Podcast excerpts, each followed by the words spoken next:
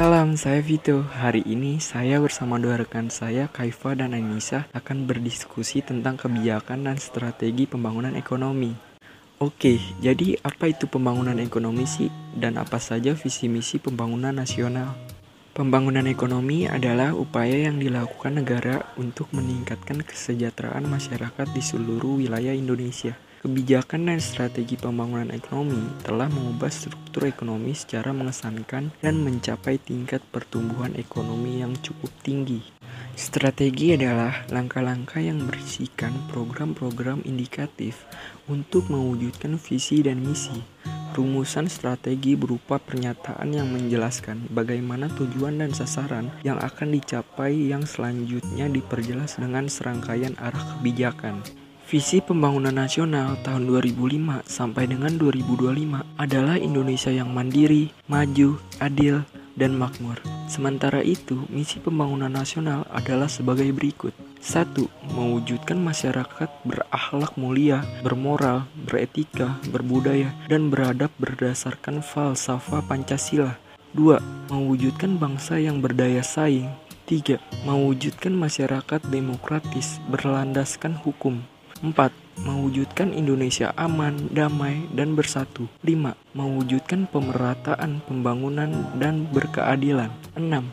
Mewujudkan Indonesia yang asri dan lestari. 7. Mewujudkan Indonesia menjadi negara kepulauan yang mandiri, maju, kuat, dan berbasiskan kepentingan nasional. 8. Mewujudkan Indonesia berperan penting dalam pergaulan dunia internasional.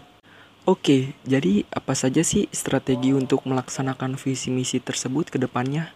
Nah, strategi untuk melaksanakan visi dan misi tersebut dijabarkan secara bertahap dalam periode lima tahunan atau RPJM, yaitu Rencana Pembangunan Jangka Menengah, dengan skala prioritas dan strategi pembangunan yang merupakan kesinambungan dari skala prioritas dan strategi pembangunan pada periode-periode sebelumnya.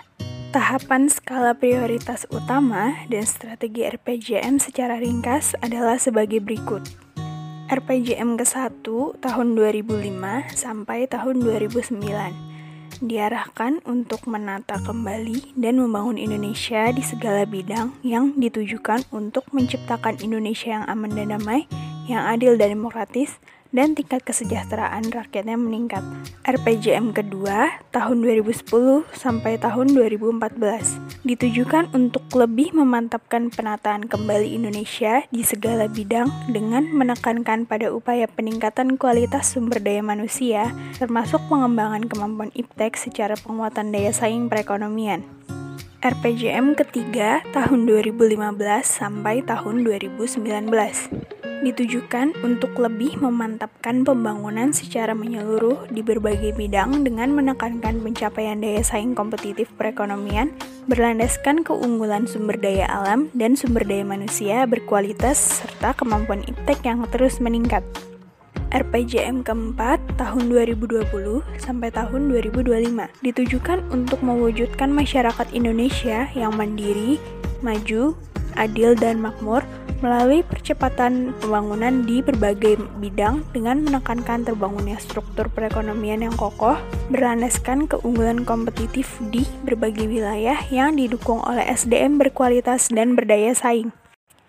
Tadi sudah membahas visi, misi, dan strategi. Lalu apa saja sih kebijakan-kebijakannya?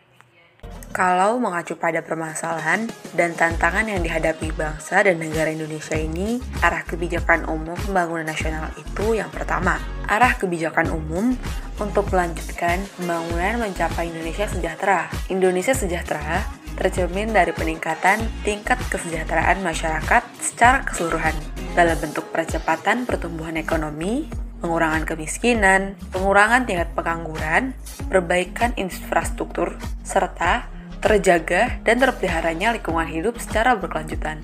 Yang kedua, arah kebijakan umum untuk memperkuat pilar-pilar demokrasi dengan cara penguatan yang bersifat kelembagaan, dan mengarah pada tegaknya ketertiban umum, penghapusan segala macam diskriminasi, pengakuan dan penerapan hak asasi manusia, serta kebebasan yang bertanggung jawab. Selain itu, arah kebijakan hukum untuk memperkuat dimensi keadilan dalam semua bidang, termasuk pengurangan kesenjangan pendapatan, pengurangan kesenjangan pembangunan antar daerah, termasuk desa dan kota, dan kesenjangan gender. Nah, itu dia guys hasil diskusi kami mengenai kebijakan dan strategi pembangunan ekonomi. Semoga kalian jadi tahu dan makin paham ya. Terima kasih telah mendengarkan podcast kami. Itu saja yang bisa kami sampaikan. Sampai jumpa di podcast selanjutnya ya. Salam.